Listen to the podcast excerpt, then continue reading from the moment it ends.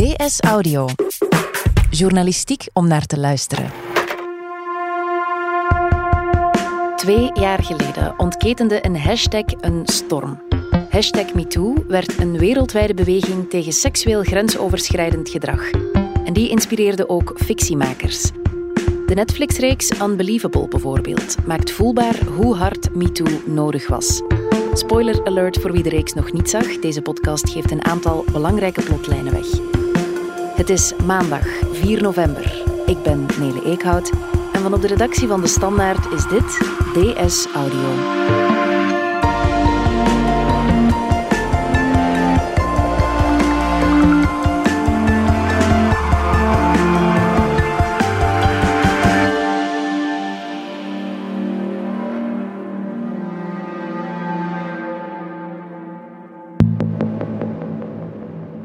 Hi, Maria. I'm Detective Parker. This is Detective Pruitt. We're in charge of the investigation. Um, I know this is hard, but I need to ask you some questions about what happened. I already told him. Officer Curran. Well, that, that's good. Curran's a good cop, but I'm lead detective on this, so I need to hear what happened directly from you. Okay? Valerie Droeve, we horen hier een stukje uit de Netflix-serie Unbelievable. We gaan ook nu al waarschuwen. Er komen spoilers voor mensen die de hele serie nog niet hebben gezien. Dit is een moment uit de eerste aflevering. Welke situatie horen we hier? Um, het is een situatie die zich afspeelt na de verkrachting van Mary Adler. Hè. Zo heet ze in de serie, een van de hoofdpersonages. Mm -hmm. Ze is net verkracht en ze wordt ondervraagd door de politie al voor de tweede keer. Ja. Meteen wordt de sfeer eigenlijk een beetje gezet. Uh, er is heel weinig medeleven met haar. Het, is een, het onderzoek verloopt kil. Um, en ja, ze wordt meteen al redelijk bot behandeld. Dat merk je meteen vanaf die, een van die eerste scènes in, in de reeks. Hang on. Did you say a hoodie or a sweater? Uh, a hoodie. You're sure? I mean, yeah. Okay. De detectives die het onderzoek doen naar haar verkrachting in de reeks noemen ze Parker en Pruitt. Ze mm -hmm. zijn redelijk onervaren. Hè. Ze weten helemaal niet goed hoe ze met verkrachtingsslachtoffers moeten omgaan. En je voelt al de hele tijd dat er ongeloof hangt. En al snel slaat het onderzoek eigenlijk helemaal om. Het gaat niet meer over wie heeft Mary verkracht, maar is Mary wel verkracht? En komt de focus en de spot eigenlijk op haar te liggen. En eigenlijk al relatief snel, lang heeft het onderzoek niet geduurd, sluiten ze het. Gaan ze ervan uit dat zij gelogen heeft. So, I'm to tell you a version that does fit together, okay? A young woman, been through a ton of bad stuff, on her own for the first time, just broke up with her boyfriend, feeling isolated, lonely, uh, might, on the spur of the moment, come up with something without thinking it through that would get her the attention she needs. Dit is een fragment uit een van de meest akelige scènes, vind ik, uit de hele reeks. Uh, de twee agenten zijn ervan overtuigd dat Mary liegt en gaan op een redelijk brutale manier haar tot een bekentenis mm -hmm. uh, van die leugen dwingen. Ja. Ze presenteren hier zelfs een volledig eigen versie van haar verhaal aan haar. Ja, en ze voelt zich zo in een hoekje gedrumd. Hè. Niemand gelooft haar. Ze zeggen ook dat haar pleegmoeders haar niet geloven, dat een vriend van haar niet, haar niet gelooft. En ze voelt zich niet meer gesteund en je ziet haar gewoon veranderen.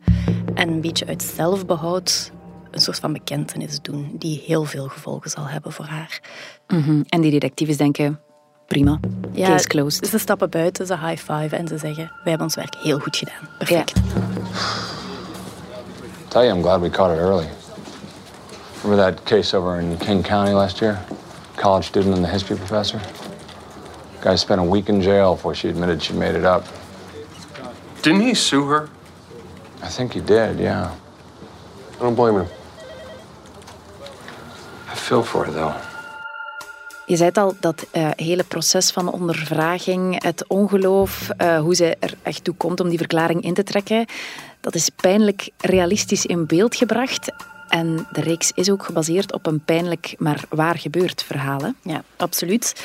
Um, los van uh, het district waar Mary eh, verkracht is, uh, gaan er uh, twee andere politieagenten in een ander district aan de slag rond andere verkrachtingen. Op een heel andere, zeer goede manier doen zij dat. En zij doen goed politiewerk.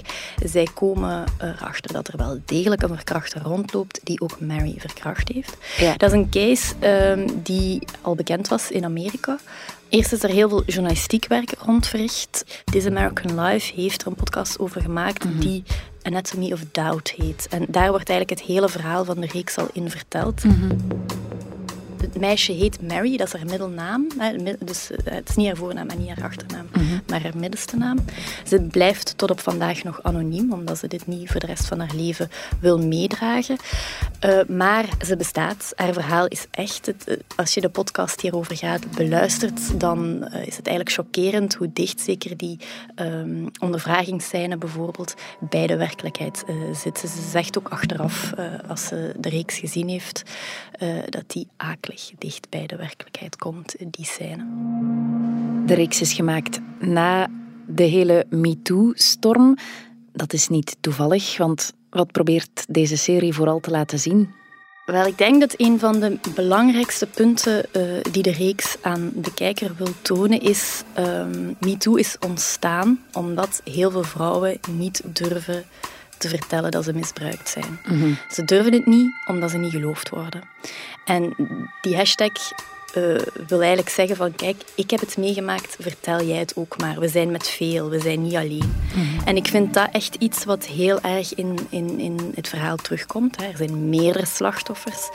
Um, maar het verhaal van Mary, hè, dat ook dus heel waarheidsgetrouw wordt verteld, toont eigenlijk aan uh, hoe moeilijk het is om geloofd te worden soms als, als uh, verkrachtings- of misbruiksslachtoffer. You know, no one ever accuses a robbery victim of lying or, or someone who says he was carjacked. Doesn't happen. But when it comes to sexual assault, het toont eigenlijk zeer voelbaar aan waar die twijfel bij al die vrouwen die niet naar voren durven stappen uh, precies vandaan komt. Eigenlijk vind ik dat een beetje ook een, de taak van fictie tegenwoordig. Of daarom kijk ik bepaalde reeksen heel graag. Mm De journalistiek verhaal gaat soms niet ver genoeg om mensen te doen voelen hoe het, hoe het gebeurd is. En daarvoor is fictie, vind ik, echt een heel goed instrument om, om aan mensen die uh, kritisch staan ten opzichte of bevooroordeeld zijn ten opzichte van bepaalde onderwerpen, om hen eigenlijk aan te tonen van kijk, zo is het gegaan. Stel je in de plaats van dat meisje, het hoofdpersonage. Ik denk niemand uh, die naar Unbelievable kijkt, zal niet meeleven met haar. Ja. Het, is zo, het is zo goed gedaan. Uh, je begrijpt waarom ze twijfelt, je begrijpt waarom dat ze haar bekentenis intrekt, je begrijpt hoeveel vernieling en schade dat in haar leven heeft aangericht. Ja. En je begrijpt daardoor ook andere vrouwen die, uh, of mannen die niet durven naar voren komen met hun misbruikverhalen. Unbelievable is niet de enige serie die dit thema oppakt. Uh, er zijn nog een paar series die, uh, waar we het in merken. Hè? Ja, inderdaad. Uh, in de krant heb ik Unbelievable in een artikel verbonden aan The Loudest Voice. Dat is een reeks van Showtime die bij ons op Play, hè, Telenet, eh, te zien is. Mhm. Eh, en die reeks gaat over eh, Roger Ailes. Dat is de, jarenlang de baas van Fox geweest, Fox News, de oprichter van die nieuwszender. Um, en die man um, is op een gegeven moment door een voormalige presentatrice beschuldigd van seksueel grensoverschrijdend gedrag. Ze hadden jarenlang gesprekken met hem opgenomen. Ze is nooit misbruikt door hem, maar wel op een verschrikkelijk seksistische manier bejegend. En het was ook heel duidelijk dat hij seks met haar wou om promotie te geven. Um, en ook die reeks uh, toont voor mij de mechanismen rond MeToo heel goed aan. Want waarom komen die vrouwen niet vroeger naar buiten? Het toont heel goed aan hoe zo'n machtig persoon um, die vrouwen manipuleert in bepaalde situaties, maar soms ook gewoon overdondert met zijn macht. En wat ik heel belangrijk vond aan die reeks, het toont ook aan waarom dit soort figuren niet alleen slecht is voor vrouwen, maar ook voor mannen. Ja. Want het is ook voor mannen geen aangename plek geweest om te werken. En die werden niet seksueel geïntimideerd, de mannen in, eh, rond hem, maar wel geïntimideerd en gemanipuleerd. Dat vond ik een grote verdienste van, die, van die reeks. Ja. In The Loudest Voice is het MeToo-thema heel expliciet. En in Unbelievable, daar gaan we even naar terug, daar eh, is het veel implicieter aan het werken. Ja. We beginnen met het verhaal van Mary, waar dat de verkrachting eigenlijk nooit serieus onderzocht is geweest. Dan verschuift het verhaal naar twee andere vrouwelijke uh, detectives die verkrachtingszaken onderzoeken en die een heel andere aanpak hebben, die heel anders luisteren naar uh, de slachtoffers. Amber, you don't have to explain yourself to me. Who you choose to tell, when you choose to tell them, that is entirely your decision. Maar ook uh, het contrast man-vrouw wordt heel fel gemaakt daar in de reeks. Maar als je de podcast bijvoorbeeld beluistert, kom je ook wel te weten dat die mannelijke uh, agenten heel weinig ervaring hadden met misbruik en verkrachtingsdossiers. En die twee vrouwelijke net heel veel. Ja, terwijl in de fictiereeks Unbelievable is er echt gekozen om dat heel scherp naast elkaar te zetten. Hè. De mannen hebben het helemaal verpest en de vrouwen doen het perfect. Zit daar een beetje gevaar in voor polarisatie misschien? Er zit misschien wel het gevaar in, maar ik vind dat de reeks het uh, goed aanpakt. Want uh, naar het einde toe het eindigt een beetje melig, wel moet ik toegeven. Mm -hmm. um, de uh, agenten die in de fout gegaan zijn, worden vergeven. Uh, Mary um, rijdt de toekomst tegemoet met een, met een jeepje dat ze heeft kunnen kopen, met de schadevergoeding die ze, uh, nadat alles bekend is mm -hmm. geworden, te pakken heeft gekregen. Het is een eindgoed, al goed gevoel, hè? Ja, en um, de, de agenten hebben echt inzicht in hun fouten. Ze excuseren zich. en ik snapte de toon eerst niet zo heel goed van die laatste aflevering. Maar ik ben daarover gaan nadenken. Ik heb daar met verschillende mannen ook over gepraat. En waarom snapte je het niet? Um, omdat de rest van de reeks zo hard was en ik, ik vond dit zo ja, te uitleggerig en mm -hmm. te, uh, ja, te melig, te Hollywoodiaans eigenlijk. Maar ik denk dat de makers dit expres hebben gedaan. Ze hebben dit gedaan om um, net dat die polarisatie die ontstaan is rond MeToo een beetje te counteren. Uh, de agenten bedoelden het niet slecht. Ze dachten dat ze hun werk goed deden. De schade die ze aanrichten is groot, maar kijk, hij is herstelbaar. Mary staat er nog. Uh, ze heeft erkenning gekregen voor wat er gebeurd is. Het is goed gemaakt. En uh, ik denk wel, zeker in Amerika, dat die nuance heel erg nodig was om ook een deel van uh, de mannen in dit verhaal mee te krijgen. Het is niet altijd de schuld van de mannen die daar hun leven lang voor zullen moeten boeten. Als je inzicht hebt in je fouten, kan je wel een soort van vergeving krijgen en kan het goed komen, kan je je fouten herstellen. Ja. Zit daarin ook een beetje voor jou het belang van deze serie? En het feit dat het uh, herstelbaar is of dat de dialoog belangrijk blijft? Ik denk dat uh, het belang van de serie in de eerste plaats wel is dat het uitlegt waarom, hey, wat het effect is van niet geloofd te worden, dat er, de risico's en de vernieling die dat met zich meebrengt. Dat is volgens, volgens mij het eerste punt van de reeks. Heel expliciet zit dat er ook in. Maar die verzoening, daar heb ik ook heel veel sympathie voor dat ze dat gedaan hebben. Ik vind dat ook wel belangrijk, want um, het, het MeToo is een beetje uitgedijnd door een, tot een heel erg polariserend onderwerp, eh, eh, waardoor het belang ervan soms een beetje ondergeschoffeld wordt. En dat vind ik wel heel jammer. Valerie, kun jij als cultuurredacteur die heel veel films en series kijkt, zeggen dat er in de fictie een tijd is voor en een tijd na MeToo? Ik vind dat zelf een heel moeilijke vraag, omdat fictie traag werkt. Hè? Mm -hmm. Dus dat fictie die nu gemaakt is, wordt pas over twee, drie jaar aan ons getoond. Mm -hmm. um, ik hoop vooral eigenlijk dat um, er op de set een tijd is voor en na MeToo. Dat, dat lijkt mij in de eerste plaats het belangrijkste. Dat gezegd zijnde merk je wel dat er al maar meer uh, fictieprojecten uh, rond dit soort onderwerpen naar boven komen. Het verhaal van Roger Ailes is ook uh, verfilmd als film, Bombshell. Die komt later dit najaar, denk ik, uit. Met ook een sterk cast van hier tot in Tokio. Dus het, je merkt wel dat het is waar dat fictiemakers mee aan de slag aan het gaan zijn. Je zei het al, je hoopt dat MeToo iets heeft losgemaakt aan de andere kant van de camera. Dat is dan op de set. En we hebben ook gesproken met iemand die aan die andere kant werkt. Ik ben Anne-Laure van de Putten. Um, ik ben actrice. Uh, ik ben in 2016 afgestudeerd aan het conservatorium Mensenzin, werkzaam in het theater en voor film en tv. We hebben gesproken met Anne-Laure van de Putten. Anne-Laure is begonnen als actrice in 2016, dat is vlak voor de MeToo-storm. En al aan het begin van haar carrière heeft zij duidelijk een voor- en een nagezien. Uh, er zijn sommige dingen die ik niet meer kan niet zien. Omdat er door die MeToo-movement uh, taal is gegeven aan dingen waar je alleen een lastig gevoel van had vroeger. En waar dat je nog niet goed van kon zeggen van hé, hey, eigenlijk, dit klopt niet wat jij nu aan het doen zei. En daarom voelt dat lastig voor mij en wilde daar alsjeblieft mee stoppen. Ja, ik kan alleen maar hopen dat ze gelijk heeft, hè, dat de set een veilige plek eh, is geworden. Ik weet niet of dat zo is, want ik sta daar nooit. Uh, wat er wel is gebeurd, is dat het beleid er oog voor heeft. Hè. Mm Ex-minister van uh, Media en Cultuur, Sven Gats, heeft verschillende dingen gedaan. Hij heeft een ombudsdienst opgericht, maar heeft ook de situatie in kaart laten brengen. Hij heeft een onderzoek gedaan in de cultuur- en de mediasector, waar toch wel onthutsende resultaten uitkwamen de helft van de vrouwen uh, gaf aan uh, in contact te zijn gekomen met um, grensoverschrijdend gedrag. En een vierde zelfs met echt uh, ongewenste intimiteit. Uh, dus er zijn wel dingen gebeurd. Dat, daar is geen zekerheid over dat dat dan ook op sets, op alle sets verandert. Mm -hmm. we, we, staan op dat gebied misschien hier in Vlaanderen nog in, in de kinderschoenen. We zijn daar denk ik minder ver dan in Amerika bijvoorbeeld. Dus je hebt ongewenste intimiteiten aan de ene kant, maar er zijn ook andere, subtielere dingen.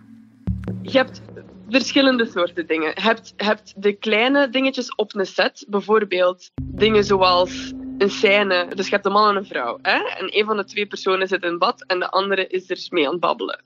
En dat je dan op set staat en dat je denkt: hé, hey, jongens, zullen we het eens omdraaien? Zal het eens de man zijn die in bad zit en de vrouw die gekleed mee komt babbelen? In plaats van altijd omgekeerd.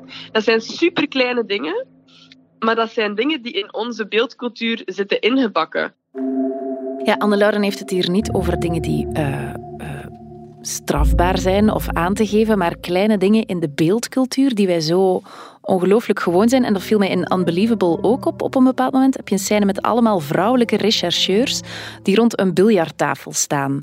En mij viel enorm op van, hm, tja, dat zijn alleen maar vrouwen. Mochten dat allemaal mannen zijn geweest? Ik had mij die vraag waarschijnlijk niet gesteld. Ja, dat is natuurlijk ook een evolutie die op dit moment aan de gang is. Je hebt het nu over diversiteit in de cast, of diversiteit in het verhaal, of rollen, andere rollen voor vrouwen. Voor mij staat dat een beetje los van de MeToo-beweging. Tegelijkertijd hangt het er ook aan vast. De MeToo-beweging heeft veel in gang gezet, heeft veel mensen doen nadenken over allerlei dingen en heeft zeker die diversiteit een push gegeven. Er is grotere gevoeligheid voor uh, uh, welke functies vrouwen hebben op set, hoeveel vrouwen er werken, welke rollen uh, actrices toebedeeld krijgen. Voor mij is het vooral een kwestie van uh, betrek vrouwen in uw schrijfproces. En, en bedoel, niet elke stoere vrouwenrol is een vrouw die heel stoer doet tegen mannen. Ik bedoel, een heel gelaagde goede vrouwenrol kan ook een ontzettend kwetsbare vrouw zijn. En kan ook een rol zijn in een stereotypebeeld, zoals een prostituee of wat dan ook. Dat kunnen ook sterke vrouwenrollen zijn, maar maak die gelaagd. En, en zet vrouwen in uw writer's room en spreek daarmee. En zijt u ervan bewust dat vrouwen doorheen heel veel jaren heel vaak vanuit een mannelijk perspectief werden neergezet. Dus stel je gewoon zelfs de vraag, hey, hoe ziet dat er dan uit vanuit een andere kant? Een heel mooi voorbeeld uh, van hoe dat uh, hoe dat goed gaat, is, uh, is Big Little Lies. Hè. Dat is echt een project van allemaal vrouwelijke actrices en vrouwelijke producenten met toffe vrouwenrollen, diepgaande vrouwenrollen. Um, en dat soort projecten zie je natuurlijk al maar meer uh, opduiken, zeker in Amerika. Zijn er ook series die je vroeger goed vond en nu dit gesprek gestart is en dat bewustzijn er is, eigenlijk moeilijk om naar te kijken? Misschien zijn die er wel, maar dat stoort me eigenlijk niet zo goede fictie vat de tijdgeest eigenlijk perfect. Mhm. De reden waarom ik zoveel van fictie hou, is net uh, omdat fictie erin slaagt die tijdsgeest te vatten. Ik leer heel veel over de dag van vandaag, wat dat er gebeurt uh, rond racisme, rond uh, Black Lives Matter, door bepaalde reeksen te bekijken. En ik, ik leer empathie kweken en dingen te begrijpen die ik hier in mijn kamertje thuis anders nooit zou, zou kunnen begrijpen. Dus um, dat doet Unbelievable natuurlijk bij, bij uitstek. Het legt iets uit. Het kweekt empathie voor een probleem uh, dat alomtegenwoordig is en dat heel erg naar buiten komt in deze tijd. Uh, daarom vind ik de reeks ook zo waardevol. Valerie Droeve, dankjewel. Dit was DS Audio. Wil je reageren? Dat kan via dsaudio.standaard.be. In deze aflevering hoorde je Valerie Droeve, Anne-Laure van de Putten en mezelf, Nele Eekhout. Ik deed ook de redactie. De eindredactie gebeurde door Anna Korterink. Joris van Damme deed de audioproductie. Brecht Plasgaard schreef de muziek die je hoorde in deze podcast. Chef audio is Wouter van Driessen. De extra fragmenten die je hoorde komen van Netflix. Vond je deze podcast interessant? Weet dan dat je er elke werkdag één kunt beluisteren. Dat kan via de DS Nieuws app of via standaard.be schuine streep audio. Je kunt je ook abonneren via iTunes, Spotify of de podcast app van je keuze. En als je daar dan toch bent, schrijf gerust een review. Zo toon je ook anderen de weg. Morgen zijn we er opnieuw.